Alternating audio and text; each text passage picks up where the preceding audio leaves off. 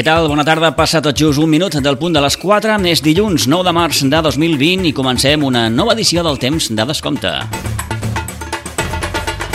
Per tant, toca fer crònica del cap de setmana esportiu i dos noms propis per començar. El de Toni Ponce, el nedador del Club Natació Sitges, que ha estat rècord del món i mínima per als Jocs de Tòquio en la prova dels 50 metres braça. Ponce, que va participar aquest passat cap de setmana en el cinquè trofeu internacional de natació adaptada a Barcelona, va assolir a més un rècord d'Europa i un altre d'Espanya.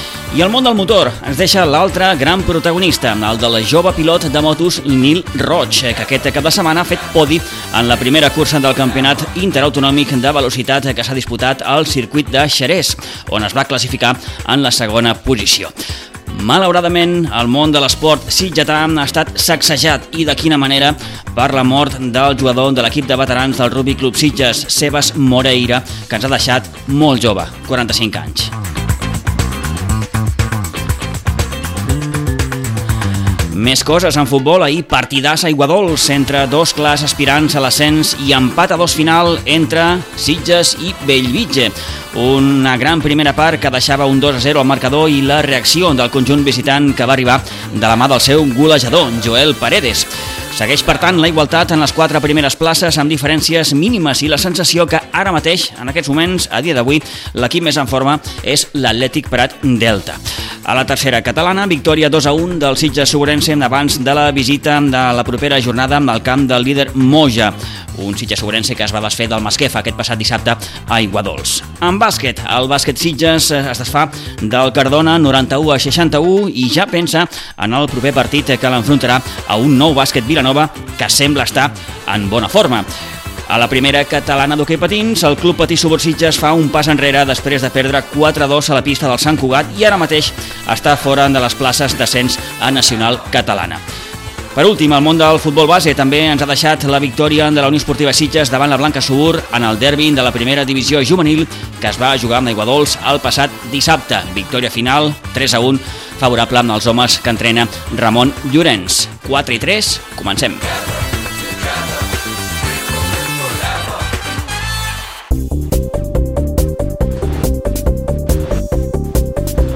012. La Generalitat, al teu costat. Les inclemències meteorològiques dificulten la circulació i augmenten el risc d'accidents. En cas de pluja, reduir la velocitat i augmentar la distància de seguretat. Si hi ha boira, millor no avançar i utilitzar llums d'encreuament i antiboira. Amb neu o gel, conduir amb suavitat, no frenar bruscament i assegurar-nos de portar les cadenes. Els dies de fort vent, vigilant els avançaments a vehicles de grans dimensions. I en tots els casos, extremar al màxim les precaucions. 012. La Generalitat, al teu costat. Avui he sortit tardíssim de la feina. Ara només tinc temps d'anar al gimnàs o d'anar a fer la compra. Saps que amb Sorli pots fer la compra i anar al gimnàs alhora? Fes la compra per la app de Sorli i quan surtis del gimnàs estarà llesta per emportar-te-la. No ho sabia. Quina gran idea m'has donat. Ara mateix hi vaig.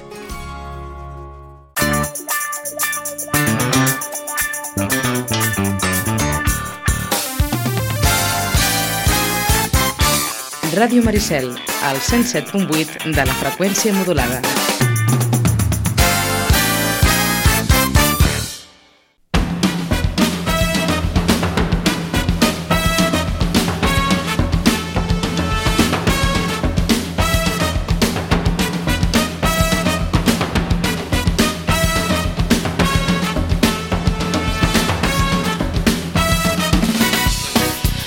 Ara mateix 4 i 5 minuts de la tarda, temps de descompte a la sintonia de Ràdio Maricel fent crònica esportiva fins les 5 de la tarda. Dissabte passat a Iguadols, la Unió Esportiva Sitges es va acabar imposant 3 a 1 a la Blanca Subur. Era el derbi de juvenils de la primera divisió. Bon inici de partit de la Blanca, bona primera meitat, diríem, que li va servir per avançar-se al marcador al minut 40 amb gol d'Arnau Bravo. El triomf dels Sitges que no es va gestar fins al darrer quart d'hora, ja que l'empat no va arribar fins al minut 72. Àlex Àlex feia l'1-1, Pablo Romero el 2-1 al 79 i Albert Ortiz el definitiu 3-1 a les acaballes del maig. Un resultat que confirma el que ja explicàvem una miqueta el divendres passat, la bona trajectòria dels Sitges a casa i les dificultats que la Blanca està tenint aquesta temporada fora de casa.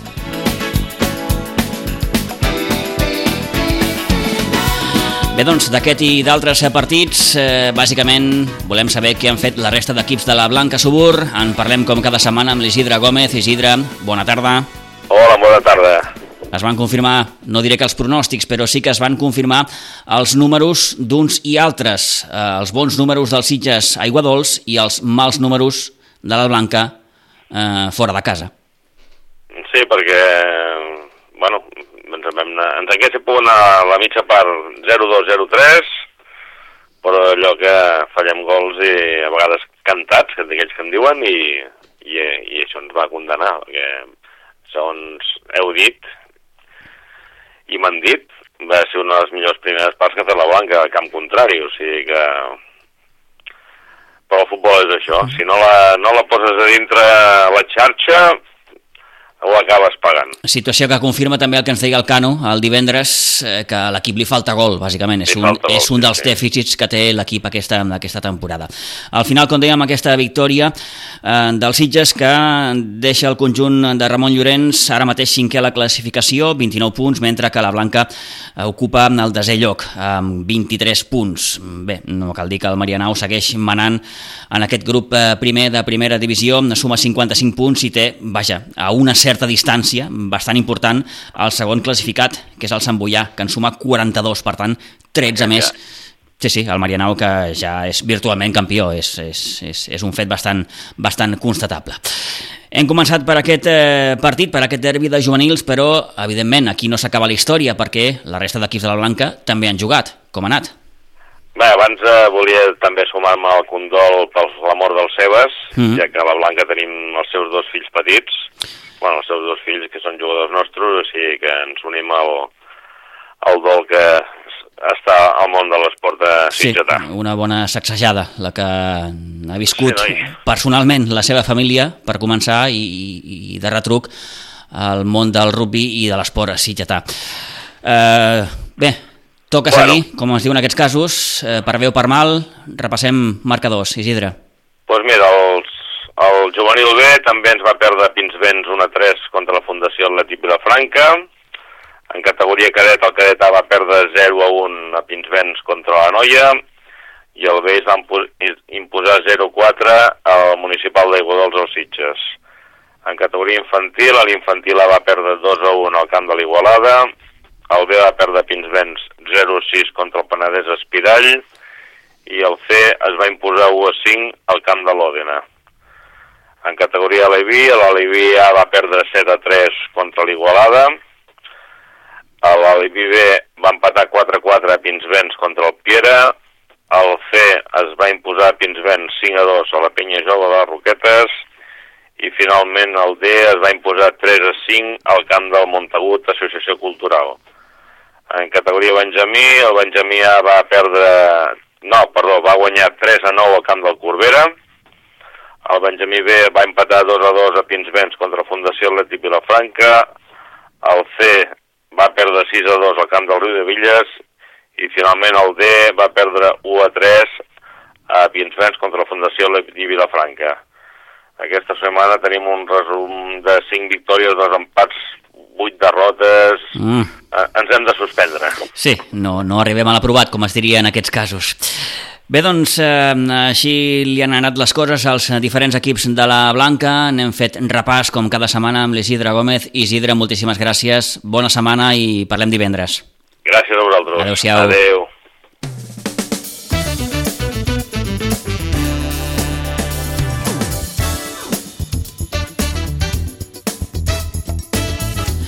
4 i 10 minuts de la tarda, ho dèiem tot just eh, fa uns moments, en el moment de començar el programa. És un dels noms propis del cap de setmana, Toni Ponce. Va batre el rècord del món en la prova dels 50 metres braça, obtenint la mínima per als Jocs de Tòquio d'enguany d'aquest 2020. El nedador del Club Natació Sitges va participar en aquest passat cap de setmana en el cinquè trofeu internacional de natació adaptada que es va disputar a les instal·lacions del Club Natació Barcelona, on a més va batre el rècord d'Europa en els 200 estils i el rècord d'Espanya Espanya en els 100 metres braça. Fa uns moments hem pogut parlar amb Toni Ponce i aquestes eren les seves impressions després d'aquest darrer èxit. Sí, que cada setmana teníem plantejat que podíem fer coses bé perquè volíem plantejar aquest campionat com una prova important durant la temporada i bueno, va ser així, no? Vam preparar-lo quasi al 100% i volíem ja aquí fer més o menys la feina que teníem que fer ara, aquesta època de temporada, sobretot pensant en aquesta mínima per certificar-nos pel joc. Uh -huh. eh, una prova que ha vingut, vaja, amb, amb, amb doble premi, no? Sí, sí, perquè a part d'això, sobretot el del Sembrassa, buscar la mínima, pues, bueno, en aquest cas vam fer el rècord d'Espanya, molt a prop d'intentar igualar aquest, campionat, aquest rècord del món, que de moment encara no l'hem pogut aconseguir, encara està a mans del rus, però bueno, estem allà molt a propet. I després sí, també el 200 metres estils, aconseguir una mínima B en aquest cas, però sobretot baixant marca personal i obtenint aquest rècord d'Europa. I ara això el dissabte pues, acabar de culminar el que va ser la jornada, pues, corrent molt bé aquests 50 braços tant al matí com de la tarda i baixar aquesta marca personal i obtenir aquest record del món. Uh -huh. eh, perquè ara imagino, Toni, que està tot bastant enfocat a Tòquio, no? Sí, aviam, hi ha altres campionats importants entre mig, no? com un campionat d'Espanya d'aquí dues setmanes, o sobretot el mes de maig que tenim el campionat d'Europa, on també hem de fer bona feina, però ara ja amb això fet eh, sí que ja plantegem quasi al 100% aquests jocs, no? Sí que, com ja dic, mirarem altres campionats, però ja anem molt enfocats a aquests Jocs Paralímpics de Tòquio, el mm. mes d'agost. Eh, sé que encara falten uns mesos, com deies, el mes d'agost eh, arriben aquests Jocs de, de Tòquio, si no hi ha contraordre, perquè amb la qüestió del coronavirus, escolta'm, estem tots així una miqueta, una miqueta fotuts, però en qualsevol cas, eh, Toni, de cara a Tòquio, tu ja et comences a plantejar alguns objectius? Sí, primer de tot anar-hi, no? Sobretot que això nosaltres ja hem fet la feina, ara tot depèn d'altres temes externs que no depèn de nosaltres, com el coronavirus i això, que esperem i desitgem que, que no tinguem problemes i anem, però sí que els plantegem reptes importants, no? Eh, jo crec que les meves principals dues proves, els 200 metres lliures i sobretot també els 100 metres braça, pues, intentar estar allà dalt, intentar aviam si podem lluitar per aquest podi. Uh -huh. És a dir, ras i curt, lluitaràs per les medalles bàsicament en aquestes dues proves, 100 braça i 200 lliures. Això mateix. Uh -huh. eh, torno a la qüestió del, del coronavirus, eh, perquè, vaja, mm, notícia allò en majúscules, no? Eh, en el món de l'esport també està afectant i de quina manera. A vosaltres, particularment, Toni, aquesta qüestió també us està afectant perquè tinc entès que s'han hagut de suspendre algunes competicions en les que teníeu previst de participar, oi? Sí, aviam, és una cosa molt important, no? això del coronavirus, en el cas de la natació nostra, eh, cosa, estan anul·lant campionats importants, com farà dues setmanes enrere el campionat d'Itàlia, un Open internacional que sempre anem, eh, no sabem encara a dia d'avui si al 100% podem anar a Madrid, aquest campionat d'Espanya, esperem que sí, però clar, això que passa és que si van suspenent campionats importants que tenim marcats la temporada, doncs són ocasions on busquem aquestes mínimes que volem per classificar-nos per Tòquio i clar, són oportunitats que anem perdent, no? Llavors són menys oportunitats per poder fer aquestes mínimes o anar-te provant de cara a aquells jocs. Uh -huh. eh, faig una mica la vista enrere, Toni, eh, mm, i anem a la temporada passada. Eh, és la millor de la teva carrera esportiva? Sí, aviam, cada cop a l'any anem millorant, anem estudiant coses noves a intentar fer o anant, diguéssim, polint cosetes per intentar cada dia ser més ràpids.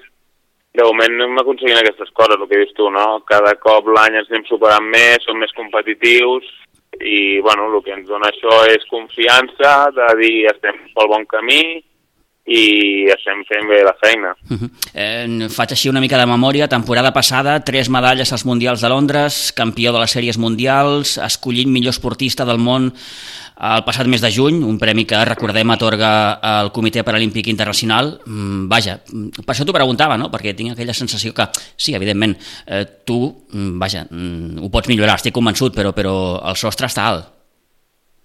Sí, aviam, cada any em demostra més els resultats, aquests premis que anem obtenint, o sobretot aquests resultats de campionats importants, que, bueno, sem allà dalt, i, però, bueno, el que volem és seguir mantenint-nos en aquest punt i intentar encara que sigui millorar una mica més, una mica més, no? Eh, està complicat perquè, bueno, ja estem allà dalt, però, bueno, el que hem de seguir és treballar per aquest camí i que vagi sortint les coses. Com, com ho planteges els propers mesos, Toni?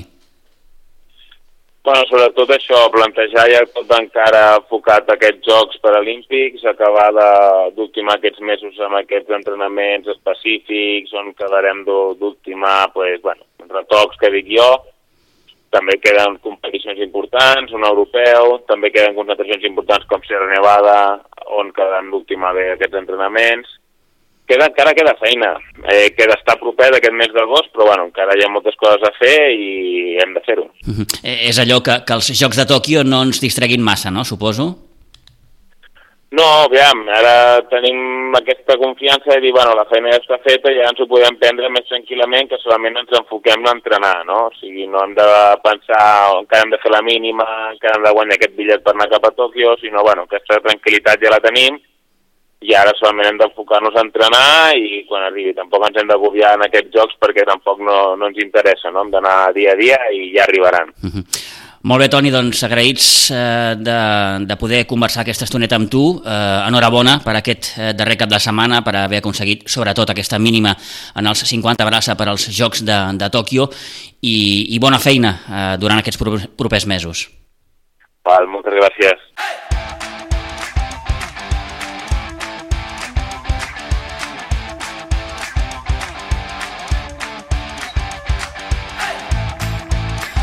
Un quart i dos minuts de 5 de la tarda, Toni Ponce, un dels grans protagonistes esportius d'aquest darrer cap de setmana. L'altre nom propi del cap de setmana esportiu és el del jove pilot de motos Nil Roig, que ahir contra tot pronòstic va fer segon en el seu debut a la categoria Supersport 600 en la primera cursa de la temporada del Campionat Interautonòmic de Velocitat que es va disputar en el circuit de Xerès.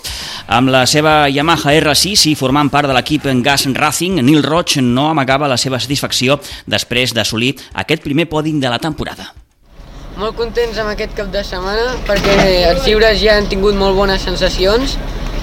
Els cronometrats ens han anat molt bé perquè hem sortit 600 i ja a la cursa he fet una molt bona sortida perquè he passat de sisè a segon i ja després durant la cursa m'ha passat al tercer i abans m'he quedat tercer jo però fins a l'última eh, fins a l'última volta que s'ha caigut el segon i abans ja he pogut quedar finalment segon el qual està molt bé i estic molt content amb l'equip i amb aquest cap de setmana que ha sigut fantàstic.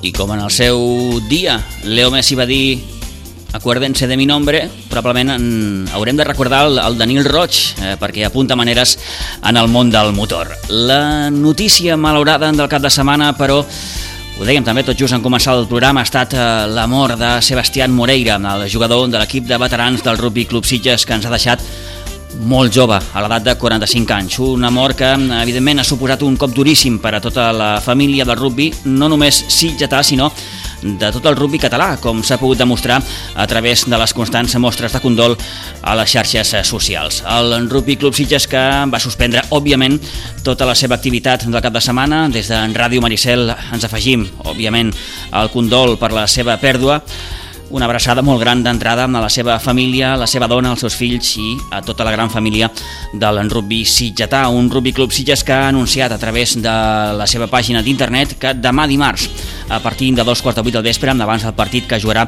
l'equip sub-18 eh, davant el Sant Cugat, farà un minut de silenci en record, en memòria de Sebas Moreira.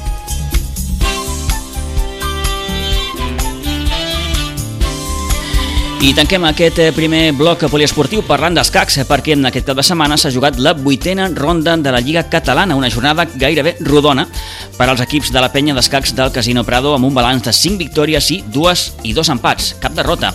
A destacar sobretot eh, que el primer equip ja té l'ascens de categoria a tocar, està fregant l'ascens després de superar el eh, Jake per 1 i mig a 6 i mig. El que sí ja ha assolit l'ascens és el segon equip, l'equip B, que ahir es va imposar amb el 3 peons per un ajustat 2 i mig a 3 i mig. Pel que fa als equips sub-12, bon balanç també, un cap de setmana que s'ha tancat amb dos empats, els que van aconseguir el primer i el segon equip, i el triomf del tercer equip.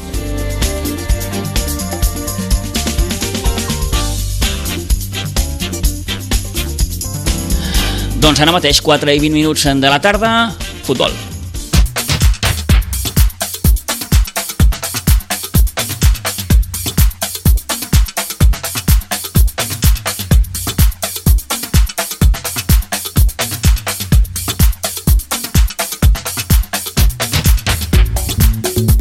Toca fer crònica de la jornada número 23 al grup tercer de segona catalana. En d'aquí uns moments també farem el repàs de la tercera catalana en el seu grup 12, però, com dèiem, comencem repassant aquests marcadors del grup 3 de segona, que han estat Olivella 3, Fontsanta 3, Cubelles 3, Cambuixeres 3, Sant Joan d'Espí 1, Almeda 0, Marianau 1, Molins de Rei 2, Espluguenc 3, Sant Mauro 2, Atlètic Júnior 0, Atlètic Prat Delta 3, Sant Andreu de la Barca 3, Fundació Atlètic Vilafranca 1, Unió Esportiva Sitges 2, Unificació Bellvitge 2 i Vall d'Oreig 1, Sant Cugat 0.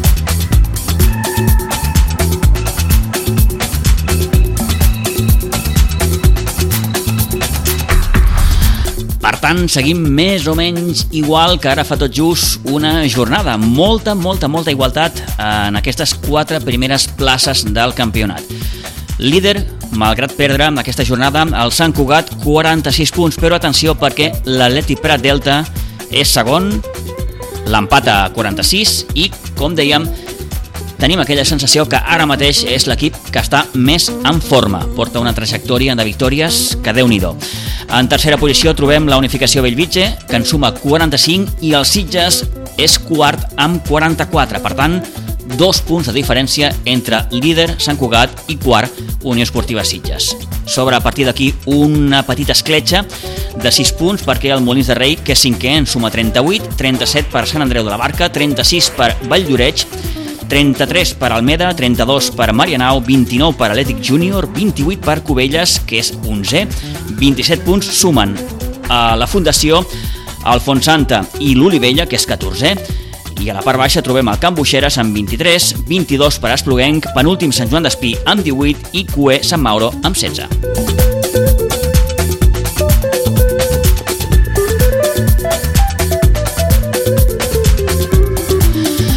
Toni Muñoz, bona tarda. Bona tarda. Què tal? Bé. Quines sensacions et deixa aquesta jornada 23? Uf, me deixa la sensació que podia haver aconseguit els Sitges eh, empatar punts amb el Sant Cugat i no ho va fer perquè no va ser, saber tancar el partit. De la resta de marcadors, l'empat a 3 de l'Olivella a casa seva amb el Fontsanta, l'empat a 3 del Cubelles també al seu camp amb el Camp Buixeres. Sí, el cas de l'Olivella és, va poder guanyar i va acabar empatant, eh, perquè va tenir opcions per poder guanyar, i el cap del Covella, eh, doncs al revés, va poder perdre però va acabar empatant perquè de fet el gol del Covella lo va marcar ja en temps d'afegit un defensor capa. Un Covelles que per cert serà proper rival de la Unió Esportiva Sitges aquest proper dissabte al eh, municipal Josep Pons i Ventura. Eh, també es confirma que el Sant Cugat no ha pogut guanyar el Vall d'Oreig. No, no, eh, de fet ha perdut els dos partits. Sí senyor. Va perdre... El Valldoreix ja va guanyar al camp del Sant Cugat mm -hmm. i ahir el Sant Cugat va perdre de nou, en aquest cas, al camp del Valldoreix. Sí. Derbi Sant Cugatenc, el Valldoreix li ha sumat els 6 punts. Sí, a més un Valldoreix que sabia que si guanyava es col·locava 5 punts eh, dels Sitges. Eh, la diferència a los demés era més, més justeta, però doncs, tenia que guanyar, el que passa que va acabar perdent amb un bat d'oreix eh, doncs, que va començar molt bé el campionat, que ha tingut un, una aturadeta al camí, però que ara eh, torna a estar molt fort i pot ser un dels equips que d'alguna manera marquin també el campionat. Eh? Eh, tens la sensació que l'Ètic Prat Delta és ara mateix l'equip que més en forma està d'aquests quatre primers? Per mi sí. Per mi sí, a mi eh, des de desembre no perd cap partit a aquest equip. Des de desembre, eh? Des de desembre. És, aquesta dada és, és, explica moltes coses. Clar, són molts partits eh, doncs, sense perdre eh, i estan en el millor moment. Eh, ara estan en el millor moment. De fet, s'ha col·locat segon, eh? Eh, i és un dels rivals molt a tenir en compte tenint en compte també eh, doncs que el gol a baratge amb els Sitges, el Sitges ho té perdut, uh mhm. -huh. eh, de moment. Falta el partit de, de la segona volta, allà, que s'haurà de, jugar, que s'haurà de jugar al eh? Prat, sí senyor, uh mhm. -huh. déu-n'hi-do, quin, quina penúltima jornada. Uh, amb la unificació Bellvitge ja podem dir que el té perdut el Sitges, sí. a l'Averaix, perquè sí. va perdre 3 a 1 a, a Bellvitge i ahir 2 a 2. Probablement, com li plantejàvem al Manel Rodríguez, el tècnic dels Sitges, eh, després ho escoltaran, per un afeccionat neutral, Toni, el partit d'ahir és un, és un partidàs en tota regla. Sí, sí, un superpartit. Per un afeccionat dels Sitges, mm, marxa cap a casa, mm, Un xic decepcionat. una mica decebut, perquè tens la sensació que s'han escapat dos punts, Sí. i si ets un afeccionat de la unificació Bellvitge, marxes molt content, o content a seques, perquè del 2 a 0 ha estat capaç d'igualar el marcador Sí, i sumar com a mínim un punt que et permet marcar aquesta mínima distància. Sí, perquè vens a Sitges saps, amb el que te jugues aquí i surts d'aquí eh, doncs, de la mateixa manera que havies arribat. Eh? amb els mateixos, sumant un puntet més, no? Uh -huh. eh, i amb la mateixa diferència amb els Sitges, que no s'ha mogut, no? Eh, per a ells és un bon resultat, eh? i més com anava la, la primera part. Eh, clar, si amb ells a la primera part li dius que aquest partit lo acabes empatant, segur que no se lo creuen. Home, lluitaran per, per, per, perquè eh, i van lluitar per aconseguir-lo, no? Sí, sí. Però tal com estava el partit, era molt difícil creure que el Sitges no guanyaria aquest partit. Joel Paredes va ser un dels grans protagonistes del maig, el Pichichi i golejador del conjunt visitant, eh, va marcar dos gols, els que van servir en definitiva per igualar el maig. El Sitges que marxava als vestidors al descans amb un 2 a 0. Un 2 a 0, un 2 a 0 i una bona sensació, no? perquè el Sitges havia guanyat eh, una primera part a tot un bon equip, eh? perquè la sensació que donava el Belvitge era un equip que no li podies donar un pam perquè si no doncs t'embolicava. No? Eh, M'ha agradat molt la primera part del Belvitge i per això el 2 a 0 és un resultat molt bon. Compte, 2 a 0, però podia haver anat el Sitges al, Sí. al descans amb més gols, Sí, eh? perquè, perquè, de fet eh, eh, va tenir dues Bé, ocasions de fet, l'inici del partit ja és un inici prou, prou mogut perquè Edgar Dobles eh, té una ocasió amb un Claríssima. xut que surt fregant el pal al cap d'un minut, això era el minut 6, al minut 7, eh, eh, el Bellvitge estavella una pilota al pal, en fi que va ser un inici de partit eh, excitant en aquest sentit, no? Vull dir, Veies dos equips que, que, que, que buscaven la porteria contrària. Eh, va arribar el gol de César, en l'un contra un amb el, amb el porter, no es va posar nerviós, com es diu en aquests casos, i va arribar el 2 a 0, un gol de Geri caçant una pilota a l'interior de l'àrea. Un 2 a 0 que ens feia ser molt optimistes, Toni. Molt optimista, perquè primer el gol de, de César, una gran passada, un passe sí, sí. magistral de Geri, Mhm. eh, en el que doncs, le guanya la posició al defensor i encarant deixa el sol, sí, sí. marca el gol. I el gol del Geri també molt bo, no? Clar, donava aquesta sensació de que l'equip estava jugant molt bé, de que, mm, tot i que nosaltres tenim respecte amb aquest 2 a 0, perquè amb un 2 a 0, eh, amb un 0 a 2, doncs va acabar per, perdent el partit al camp del Camp Buixeres. Clar, Eh? eh, diem que a nivell, a nivell mental, a nivell psicològic, aquest 2 a 0 mm, no feia bé. No, no, no. Sembla mentida, eh? però, però No, no, era diuen així. els que en saben que el pitjor resultat és un 2 a 0. Era així. Perquè si el rival et marca el 2 a 1, eh, les tornes es canvien. Sí, el rival entra al partit i al Sitges le passa Teòricament, això. el rival va cap amunt, tu vas cap avall. Al Sitges le passa molt això. El Sitges quan encaixa un gol li tremola les cames.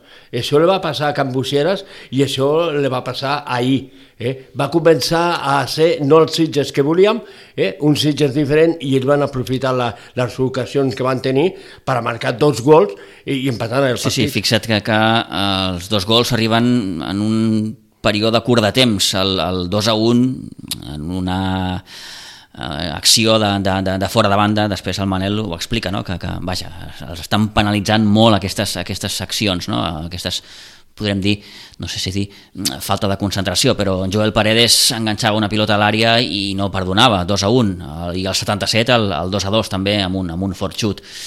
En fi, mm, no sé, mm. el problema dels Sitges, o un dels problemes dels Sitges és això, no? que no acaba de tancar els partits i com escoltaran, quan li preguntàvem al míster, ell creu que ara en aquests moments a l'equip li falta aquest puntet de confiança també. Sí, sí, sí, és que la prova està aquí, encaixes un gol i doncs el partit s'escapa, no? Eh, és el punt de confiança. I després me quedo amb una cosa, que jo no l'havia observat molt, eh, quan el màxim realitzador del Belvitge, Paredes, eh, doncs marca el primer gol, aquest jugador estava desaparegut, desaparegut totalment, uh -huh. estava enfonsat totalment, Sí. però el tècnic lo va aguantar. Sí, sí, de fet, físicament estava fos perquè fins i tot li, Totalment. li van donar alguna, alguna rampa. Totalment, eh? Sí, sí, però- I el però- míster lo va aguantar, uh -huh. lo va aguantar i Vesporron eh, doncs, eh, li va donar els dos gols. Al final empat a dos i sensació que um, s'havien escapat dos punts i al Sitges se li havia escapat aquesta victòria important al municipal d'Aigua Dols. Parlàvem en acabar amb Manel Rodríguez. Bueno, Manel, bon dia. Mm, probablement, si ets un espectador neutral, avui gaudeixes d'un gran partit. Eh, si és del Sitges, quedes una mica fotut, i si és del Bellvitge, pues, potser te'n vas un pèl més content. Però com que tu ets l'entrenador del Sitges, et pregunto quina sensació tens. Bueno, se'ns ha escapat dos punts que jo penso que teníem controlats. Al final, els dos gols que ens fan són dues jugades, una és un saque de banda que estem, no estem atents i ens penalitza molt i l'altra és una jugada que ve per mi precedida de dos faltes d'ells no pita res, quedem parats i xuta sol i marca bueno, ells amb, eh, tampoc han tingut ocasions, bàsicament aquesta i un remat que recordo que té el Lucas, però nosaltres hem tingut moltes opcions avui de fer jo diria que un parell o tres de gols més d'uns contra uns amb el porter i no, no hem estat del, del tot encertats i al final se'ns escapen dos punts que penso que no, no és merescut. Anem a Pams. Eh, l'equip fa una, una gran primera part jo, jo penso. Aneu al, als vestidors amb un, amb un 2-0 tampoc m'atreveixo a dir que mai he tingut el partit tan, tan, tan, tan bé, no? perquè en aquestes categories ja, ja sabem el que passa, però, però 2-0 era el millor resultat després de la primera part que hem vist. Bueno, i encara ha tingut un no contra un al porter, que si pogués pogut ser el tercer. Eh, I l'última de Cubedo al cap, que fa Paradona al porter, és a l'últim minut de la primera part. No, no, ocasions hem tingut. Després la segona part, eh, jo crec que hem tingut dos o tres opcions molt clares també per marcar, però ja dic que ells... Eh, el problema és que et fan gols de jugades que no hi ha res. És una mica la pena, no? Que dius, hòstia, és que el rival tampoc t'ha generat molts problemes, però amb molt poquet al final ha trobat el gol i, i, bueno, i això avui torna a penalitzar una mica, no? A l'equip li costa tancar els partits, Manel. Sí, perquè és el que et dic. Al final, el primer, el primer gol, que per mi és la clau, perquè és el que els, els que entra al partit, és, és un saque de banda, no? no pot ser, un saque de banda, i la pilota bota, no és allò que te la pentina ningú, és que bota en terra. bueno, és el que hi ha. No podem fer-hi res, és, és, és, és, és, és la nostra assignatura pendent aquesta d'encaixar de, menys gols i no tan tontos i, i, bueno, i, i últimament això ens penalitza, però bueno, és de seguir treballant i amb la mateixa il·lusió perquè avui s'ha vist que si el Beach és un equip que té aspiracions a pujar, nosaltres també, perquè el partit ha sigut molt bon partit, està clar, però jo penso que no hem, avui no hem guanyat injustament per, per mèrits, vaja, almenys per ocasions de gol. A part de, dels dos punts que es perden, probablement eh, les expulsions ara a última hora, mm, aquí en... Bueno, l'àrbit avui també deixa el córrer, però bueno, és igual. No, més val... Dels àrbits més val no parlar perquè venen aquí a, xula, venen aquí a xulejar-te i a, a demostrar-te que la tenen més llarga i avui l'àrbit avui ha vingut aquí a, a liar-la i l'ha liat però bueno, és igual. No, no crec que hem perdut els dos punts per culpa de l'àrbit, perquè al final ja dic que els gols els hem fet ells i... No, però ho deia més pel, pel rèdit que, que et deixa, no?, de cara al, al, bueno, a la propera jornada. Cauen dos jugadors i hauran de jugar dos altres. Eh, és igual, ja està, no passa res. Queda mal cos, no, avui, Manel? Bueno, sempre que no guanyes, i més a casa i amb un rival directe, doncs et queda mal cos, però per altra banda és el que tu deies al principi. S'ha fet un bon partit, no podem no els hi puc recriminar res als jugadors. Vull dir, han fet tot el que han pogut, han donat tot i, i ja està, no podem fer-hi més. Això segueix. Sí. Covelles la setmana que ve. Sí, no, no, la setmana que ve tenim una entrada final davant d'un rival també molt poderós, que a casa seva pues, eh, sabem que és un camp gran on costa jugar si no estàs acostumat un rival que també està necessitat de punts i aquí tothom, tothom s'espavila, m'entens? Vull dir que aquí no hi ha petit petit ni rival petit i haurem d'afrontar-ho doncs, com una final. Et faig l'última. Eh, estan a les alçades del campionat en els que ens trobem. Mm, et pregunto, com, com veus l'equip? Bueno, l'equip està que li falta aquell punt de confiança que a la primera volta teníem, que ens sortia tot rodó, i ara doncs, estem amb aquell palet de falta de... Avui mateix era un dia que amb una miqueta més de confiança i de tranquil·litat l'haguessin guanyat el partit.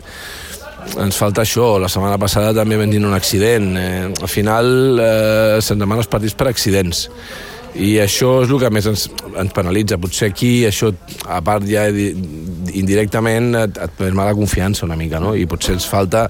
Però al final dos resultats bons ens tornaran a donar. Vull dir, al final, durant la temporada tens els i baixos, els equips no mantenen sempre la mateixa línia, és impossible, i eh, jo els deia l'altre dia, l'altre dia vam perdre 4-2, però jo em quedo amb els primers 25 minuts, que es vam posar 0-2, l'equip va estar molt bé, i avui la primera part és molt bona, i la segona part no pots dir res, al final, torno a repetir, et fan dos gols amb dues jugades puntuals molt tontes, i tu has tingut, inclús acabes tenint l'última, vull dir que eh, ha sigut una pena, però bueno, futbol té aquestes coses.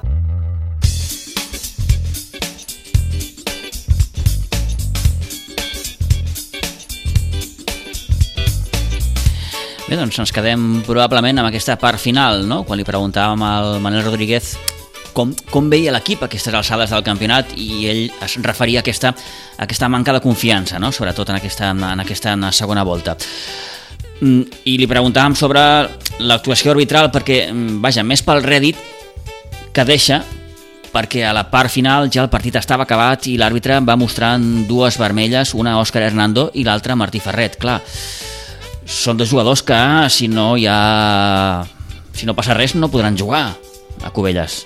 Sí, clar. Bàsicament ens referíem a això, no? Ell eh, deia que l'actuació arbitral li havia semblat allò, vaja, una miqueta no massa bé, diem, diem-ho finament. De fet, no jugaran aquests dos uh -huh. uh, jugadors i ara cal veure el que va posar l'acte per si li cau un partit o li cau en més partit, perquè són vermelles directes, uh -huh. no? I clar, això doncs uh, és un càstig. I després jo me quedo amb el segon gol d'ells. Per mi és precedit d'una falta que li fan al jugador dels Sitges, mm. que l'àrbitre no xiula res, se queden parats i ell l'aprofita per marcar el gol de l'empat. Eh, me quedo amb això Eh, jo penso que la segona part, la primera part, l'àrbitre va estar molt acertat, però la segona part l'àrbitre va perdre els papers. Mm. Inclús em quedo també amb una, amb una jugada, bé, més que una jugada, una, una, l'expulsió de l'Ernest. Sí. L'Ernest l'expulsa i, i l'Ernest li, li recrimina aquesta expulsió i de fet quan l'Ernest ja està marxant cap als vestidors, l'àrbitre va darrere d'ell encara dient no sé què, no? Vull dir, allò, ostres, no cal, no cal, no? I s'espera eh, hasta que l'Ernest llega, eh, arriba al final sí, sí, sí, eh, sí. i, comen, i puja les escales. En fi, a vegades eh? són detalls que... Té el que... partit parat, sí, sí. té el partit parat hasta que l'Ernest eh, puja les escales. Jo penso que... Bé, alguns detalls que no ens van agradar, en uh. -huh. qualsevol cas, però bé... Mm, 2 a 2, això és inamovible, sí, i, el, no i, el, i el proper partit Toni a Cubelles. Ho deia el Manel, Cubelles que també està una mica necessitat eh, eh, és... per, per sortir d'aquesta zona. És que per mi és un derbi de necessitats. El Cubelles necessita els No pot fallar punts. el Cubelles, no pot fallar el Sitges. és que el mm. Cubelles necessita els 3 punts per sortir d'aquí mm. i el Sitges necessita els 3 punts perquè no se marxi els de més. Eh, així que per mi és un partit de necessitat perquè el Sitges és conscient que un punt és poc. Sí. Los tres són suficients, però per això tens que guanyar el partit. Exacte, 4 i 39 minuts de la tarda, temps de descompte a la sintonia de Ràdio Maricel. És 9 de març i hi toca fer ara repàs del grup 12 de tercera catalana.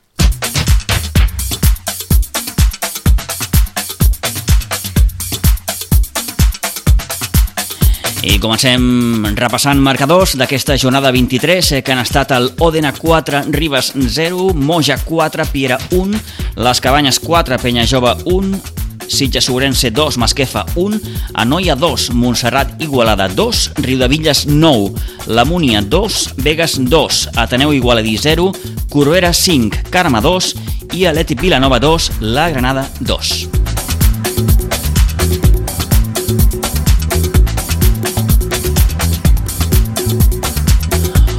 Poc a poc sembla que es va bipolaritzant la Lliga i tot fa indicar que serà cosa de dos, del Moja i de l'Òdena. Moja, líder, 55 punts, Òdena, segon, 53. S'ha obert aquí una petita escletxa de 5 punts perquè el Corbera és ara mateix tercer, suma 48 punts, 47 al Piera, 43 al Ribes, que es despenja bastant d'aquesta zona eh, noble. 38 té ara mateix el Montserrat Igualada i immediatament després ja trobem el Sitges Segurense amb 34 punts i setè en aquesta classificació. 33 per Vegas, 32 per les Cabanyes i Penya Jove, 31 per Carme, La Granada en suma 29, 28 Riu de Villes, 24 Masquefa, 19 per Atlètic Vilanova, que ara mateix és quart per la cua, i tanquen la classificació l'Ateneu amb 17, la Noia amb 16 i la Múnia amb 5.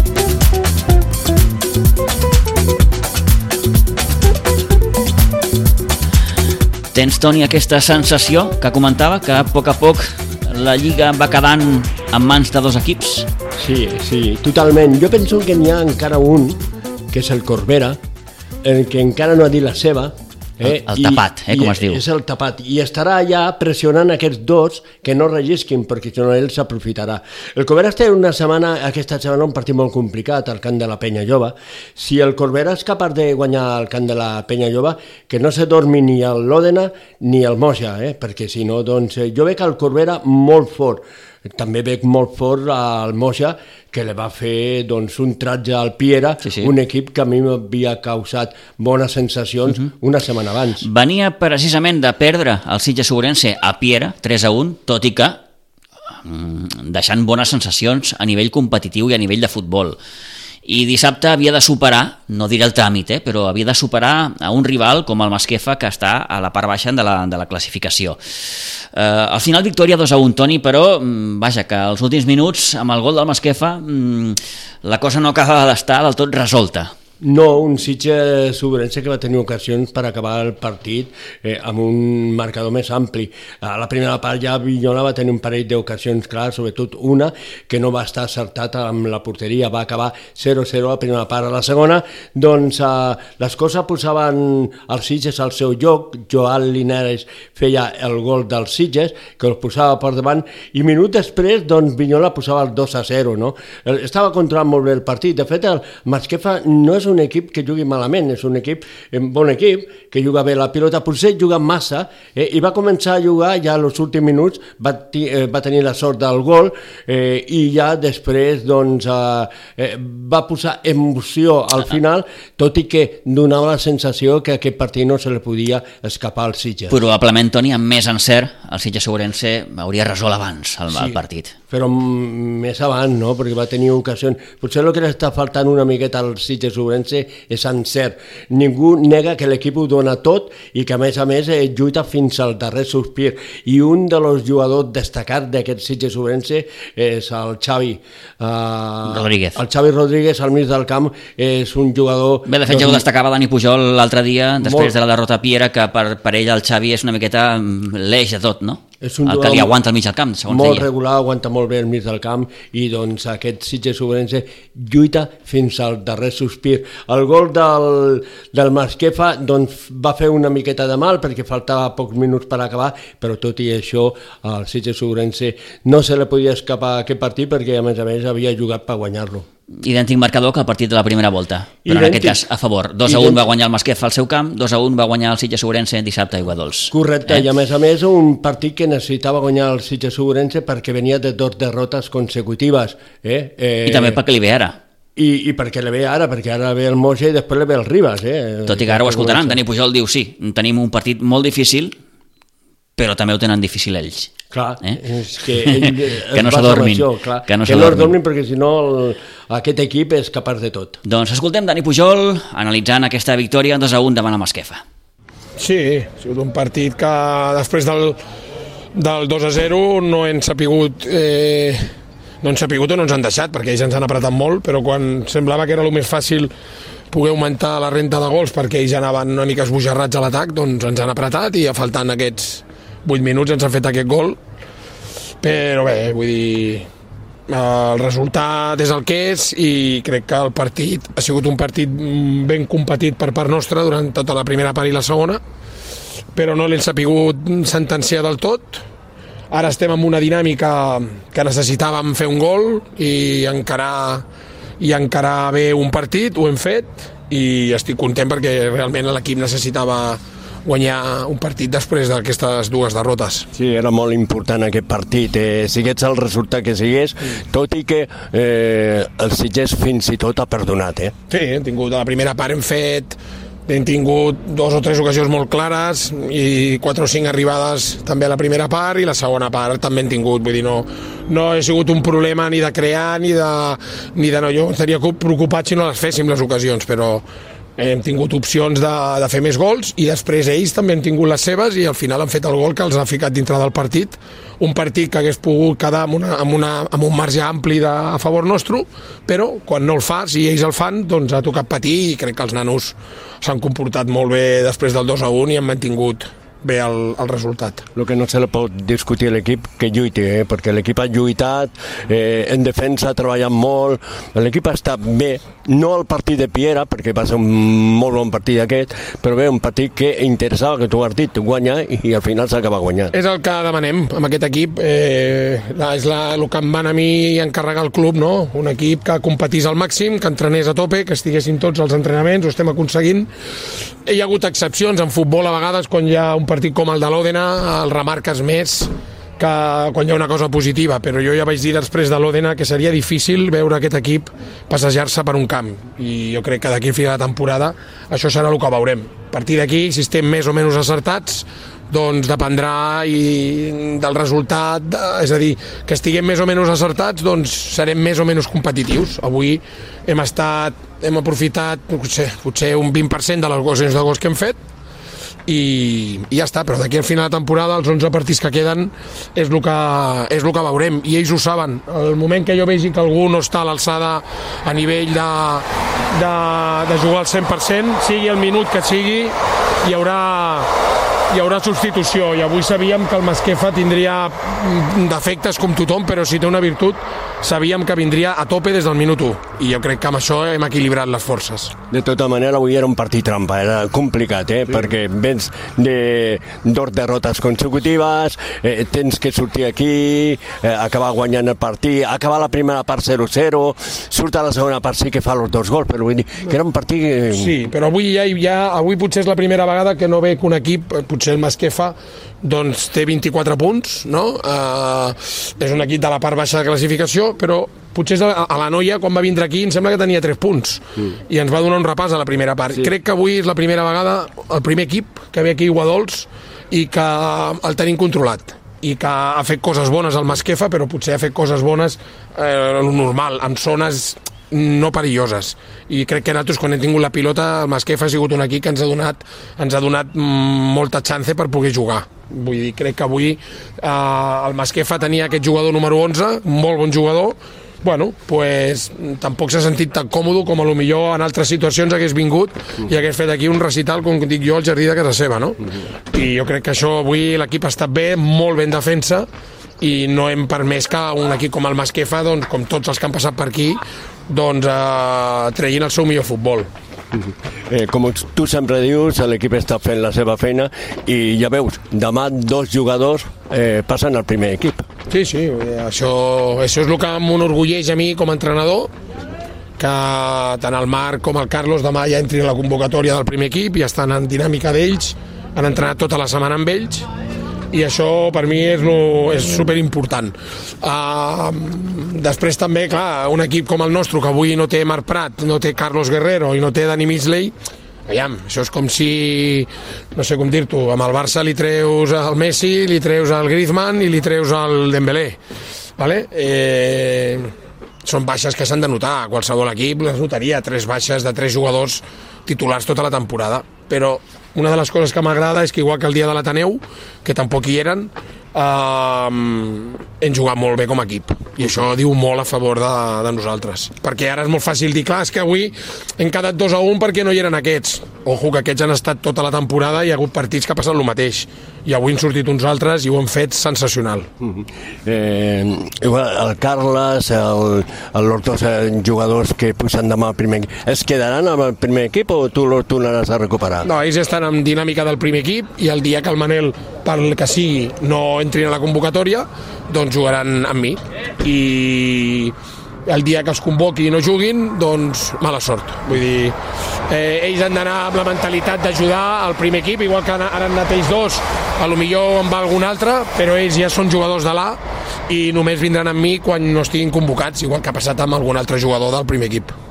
Molt bé, ara el Moja, eh, serà el proper rival, després vindrà el Ribas, però anem partit a partit, ara el Moja. Moja que m'imagino que te va quedar aquell mal regust aquí i que no sabrem el que farà els Sitges allà, però segur que no ho tindran fàcil. Més, més que pel mal regust, eh, que va ser un partit que ens van fer un gol als 30 segons amb un penal de, de pati de col·legi, Uh, crec que és un equip que a nosaltres ens va bé, i més al seu camp. Un camp gran, un equip que juga a futbol, nosaltres també, crec que se li pot fotre mà. I és d'aquests partits del Turmalet que jo dic, no? de l'Òdena, del Piera, del Moja i del Ribas, crec que és dels partits que se'ns pot anar bé. Tinc il·lusió amb aquest partit i amb el del Ribas, ara són 6 punts. Uh, aquest any fer prediccions no va gens bé, per tant et faré cas amb tu. Anem partit a partit, però, però bé, el el dissabte amb el Moja nosaltres tenim un partit difícil però el Moja també té un partit difícil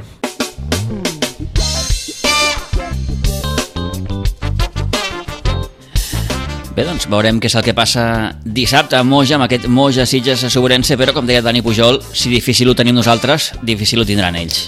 Sí, sí, és a dir, que el Moja haurà de picar pedra per, per, per guanyar. Per guanyar com ho va fer el Piera uh -huh. i Mhm. com ho fa tots els rivals el que el Sitges va jugar allà. Interessant saber com deia Dani Pujol, que Marc Prat i Carlos Guerrero estan ja en dinàmica de primer equip. Sí, de fet entrenaran amb el primer equip, el que passa que a mi Àngel Calvo em va dir que entrenaria amb el primer equip, però si el segon equip lo necessita, doncs eh, ells també podrien baixar... És a dir, que reforçar. no ha d'haver cap problema en aquest sentit.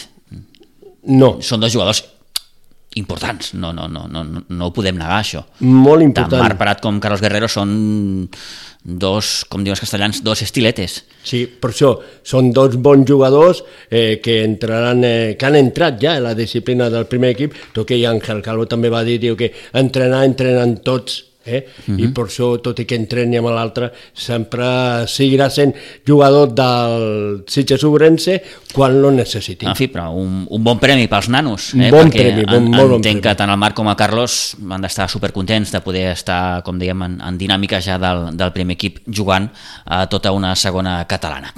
Eh, Deixem-ho aquí, gairebé 4 i 53, anem al bàsquet.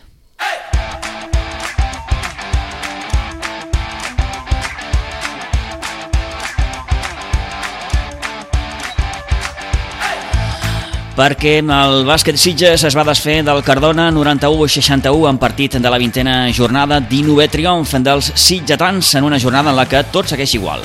Va guanyar també el Casal de Vilafranca 45 a 65 a la pista del nou bàsquet Olesa, mentre que el tercer classificat, el Club Nou Bàsquet Vilanova, va demostrar que ara per ara és un dels equips que està més en forma, guanyant 47 a 78 a la pista del Sampador.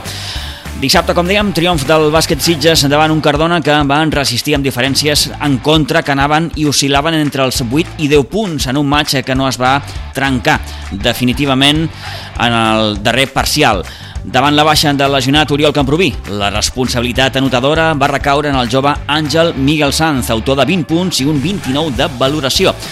L'entrenador del bàsquet Sitges, Balta Molina, ja preveia un partit com el de dissabte i té algun dubte de cara al proper partit a Vilanova, que Oriol Camproví es pugui recuperar. Eh, sí, eh, ja, ja ens ho imaginàvem. Cardona està per sota la taula a la classificació, però és un equip que ha fet resultats incòmodes per equips que estan a dalt. Va perdre de 6 contra el Casal, 12 visitant Vilanova, que no és un resultat dolent, i tenia quatre jugadors destacables i un d'ells molt bo, que és el que pràcticament ha estat aguantant l'equip, el número 13, i preveiem això, un partit difícil durant bona part del partit, però que si manteníem un joc ràpid, amb transicions ràpides, fent-los córrer i cansant-los, al final eh, surten els resultats i ens distanciem al marcador. Nosaltres, per sort, tenim una, una banqueta una miqueta més ampla i és el que ha passat al partit.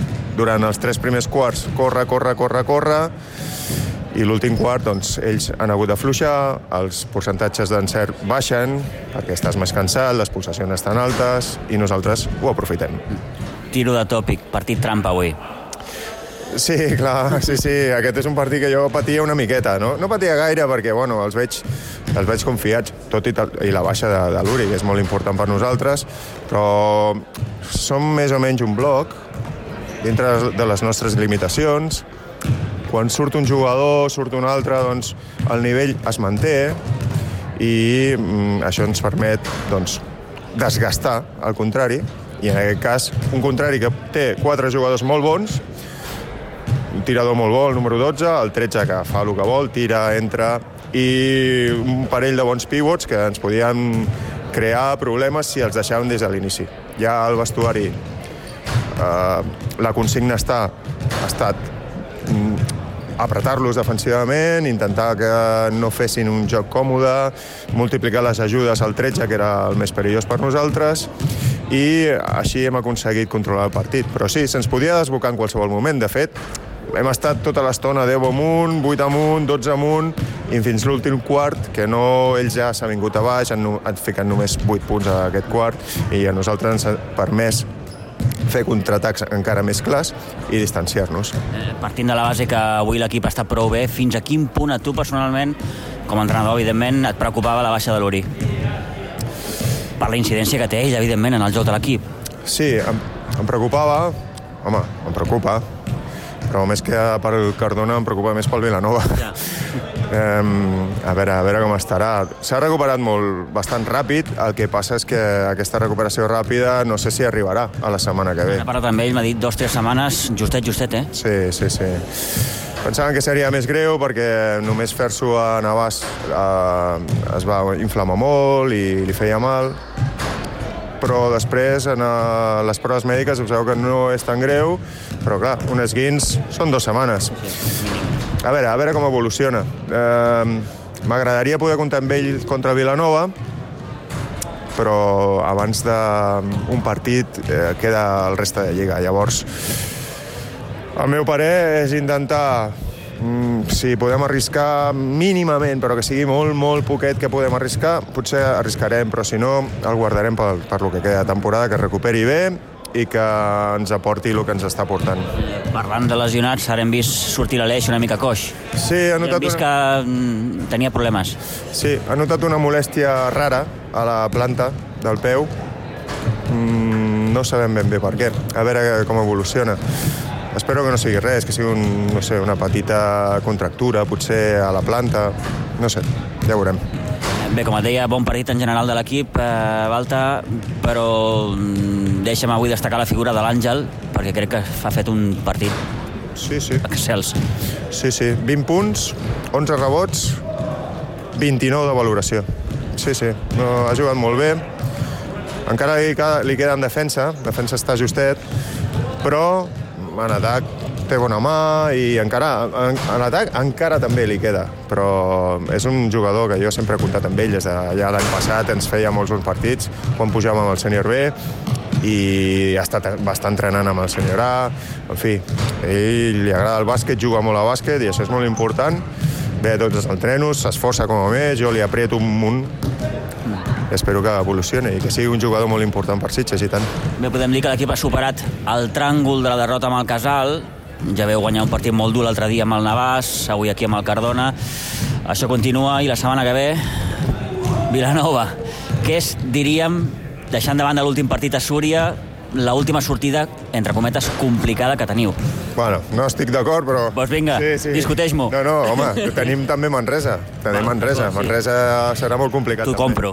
Sí, sí, sí, sí compra-m'ho, compra-m'ho, que, que, que sí, que tinc raó. Uh, bueno, sí, però bueno, Vila, Vilanova és especial, és especial. Aquí el duelo comarcal i, i, bueno, i especialment la baixa de l'Uri ens minva les possibilitats, el camp molt difícil, clar, ells eh, aquí van venir d'una forma i sense fer gaire pressió perquè el nostre camp és més gran, allà el camp més petit, ens pressionaran des de principi, ens robaran pilotes i hem d'estar concentrats per, no diria, fins i tot, per no perdre el partit, sinó per no perdre la baraix, mm -hmm. perquè, bueno, mm, jugant en pressió com juguen ells, en qualsevol moment et fiquen 5-6 cistelles i t'han guanyat la baraix. Sí, un partit molt complicat. No, no. Eh, intentarem fer un joc coral, com el fem sempre. Eh, intentarem jugar ràpid i intentarem lligar el joc interior seu, que ens va fer molt mal aquí, i passar les pressions que, que ens facin. A veure si...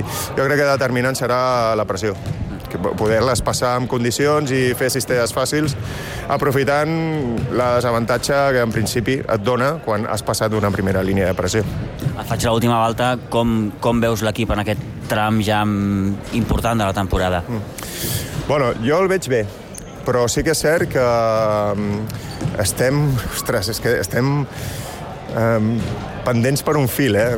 Lesions... Nivell físic, eh, sí, a nivell físic, les lesions estan passant força factura, després feines i qüestions, doncs, sí, sí. clar, ause sí, ausències, absències per, per feina, sobretot. Els entrenos i els partits, també. Entrenos, que també és important. Per exemple, el Raül doncs, ha retornat de la lesió, però no ha pogut entrenar bé i es veu, es nota que no té aquest aquest tacte final, no? a les cistelles que ell sempre fica i eh, ara doncs, acostuma a fallar una miqueta més eh, amb més assiduïtat. Um, bé, estem contents d'estar on estem, clar. Pensar que nosaltres vam començar la temporada amb el plantejament de a veure lo que passa, estar a set jornades al final líders, amb un partit d'avantatge, és a dir, fem el que fem a Vilanova, serem líders igual. Doncs ens dona alegria i ens dona motivació. I això és el que, de fet, ens permet aguantar amb totes aquestes vicissituds que tenim de petites lesions, molèsties, problemes de feina. La gent ve, ve a entrenar sempre que pot i ve a entrenar a tope i això és molt d'agrair. Que no juguem com jo vull? També t'ho diré, no juguem com jo vull crec que podem encara millorar molt més, molt més. Però clar, som un equip molt jove. La nostra mitja d'edat són 23 anys. Al partit, al partit de Navàs vam anar amb 21 anys de, de, de mitja. Doncs això què ens fa? Que, que a, a mida que anem jugant partits, millorem. I si no és aquesta temporada, doncs serà la que ve. I què li demanes a l'equip?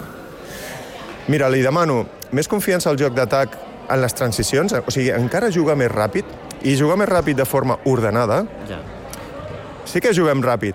Mm, cada cop més. Jo això ho noto, amb sí. Un, amb un punt de calma, no? Mm, amb, un, amb ordre. Ja. No diria calma, diria ordre. Mm, sabent què és, el que va passar, què és el que passarà quan jo tinc la pilota en cert lloc i que tot l'equip ho sàpiga. Això de vegades no passa, no?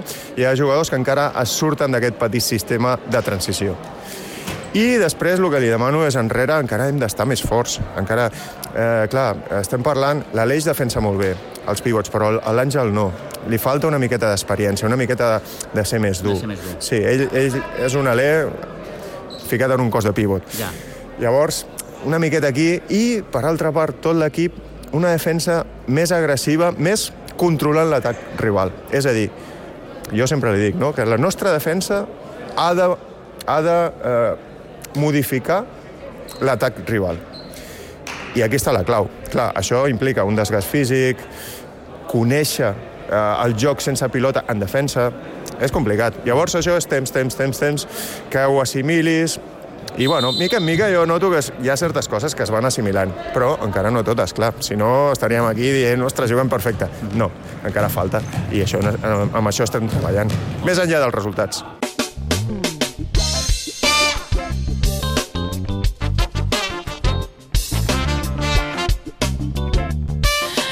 Balta Molina, el tècnic del bàsquet de Sitges. Per tant, propera jornada, recordem, el Sitges visita la pista del tercer classificat, la del Club Nou Bàsquet Vilanova, un partit que es jugarà diumenge, dia 15 a 3 quarts de 8 del vespre. Per la seva banda, el casal de Vilafranca té doble compromís aquest cap de setmana, rebrà dissabte al Santpedor i l'endemà diumenge jugarà amb l'aplaçat a la pista de la Salle Manresa.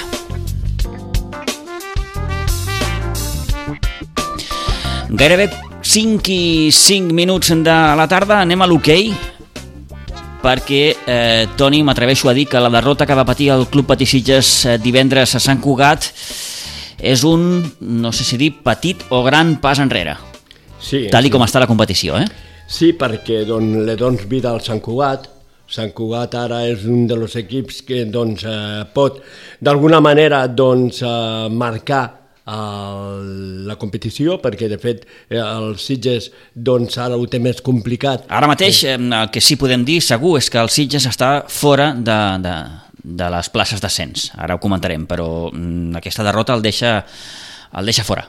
Sí, perquè ha perdut els dos partits amb ells, eh, se li complica molt i ara cal esperar, doncs, sobretot, eh, que sumin tots els partits a casa, és molt important això, i treure que el com de fora eh, no ho tindrà fàcil perquè queden rivals complicats, però bé, és la, el camí a seguir. Eh? Uh mhm. -huh. Aquesta jornada ens ha portat també la victòria de l'Igualada 3-4 a Belllloc i l'empat del Valls 2-2 a la pista del Monjos. Com queda ara mateix la classificació? Cinquè és el Valls amb 39 punts, sisè l'Igualada amb 38, 38 punts també per Sant Cugat, que és setè, i el Club Patissitges és vuitè amb 37 punts. Clar, se l'ha eh? complicat molt. És aquesta mini-lliga de 8 jornades, que són les que queden. El Sitges té 4 partits a casa, per aquí han de passar Monjos, Ripollet, Lleida i Valls, i fora s'ha d'anar a Riudoms, a Cornellà, al Vendrell i Andorra calendari complicat, no? Té un mm. calendari complicat, sobretot eh, alguns que altres equips, com el cas d'anar a la pista del Vendrell, eh, equips que es coneixen molt bé. No ho té fàcil, tot i que queden encara vuit jornades, pot passar moltes coses, però si hagués treure, si, ha, si hagués aconseguit un bon resultat eh, doncs, el dissabte passat, el divendres passat, doncs ara estaríem parlant d'un Sitges eh, uh mhm. -huh. llançat, un Sitges que tenia opcions. Eh, per cert, la Veraix amb el Sant Cugat està perdut, mm, amb l'Igualada està guanyat sí. i caldrà veure què passa amb el Valls perquè eh, de moment eh, s'ha de rebre aquí, al Valls, eh, allà es va perdre 3 a 2, per tant eh, és important també saber com estan els abaratxos de cara a possibles empats. Mm? Per a mi el Vall és el candidat més, eh, l'equip més complicat pels Sitges, eh, però també ha sigut molt complicat el Sant Cugat, que no ha pogut guanyar cap partit ni aquí ni allà. Veurem què passa, veurem què passa. Eh, el proper partit, dissabte a la tarda, a partir de les 6, aquí a Pinsbens, davant el Monjos. Eh, dir ja gairebé per tancar que en aquesta jornada eh, li ha portat eh, doble compromís al sènior B, eh, jugava a Molins de Rei, obtenint la victòria en 0 a 1 i en partit avançat de la jornada número 26 per dia 5 a 2 a Cambrils. Per tant, eh, una de freda i una de calenta per aquest sènior B de segona catalana. Ara mateix, un 5 i gairebé ja 8 minuts de la tarda, ho hem de deixar aquí. Toni, moltíssimes gràcies. A vostès també moltíssimes gràcies de nou per fer-nos confiança. Ens retrobem divendres. Tornarem a fer la prèvia del cap de setmana. Adéu-siau.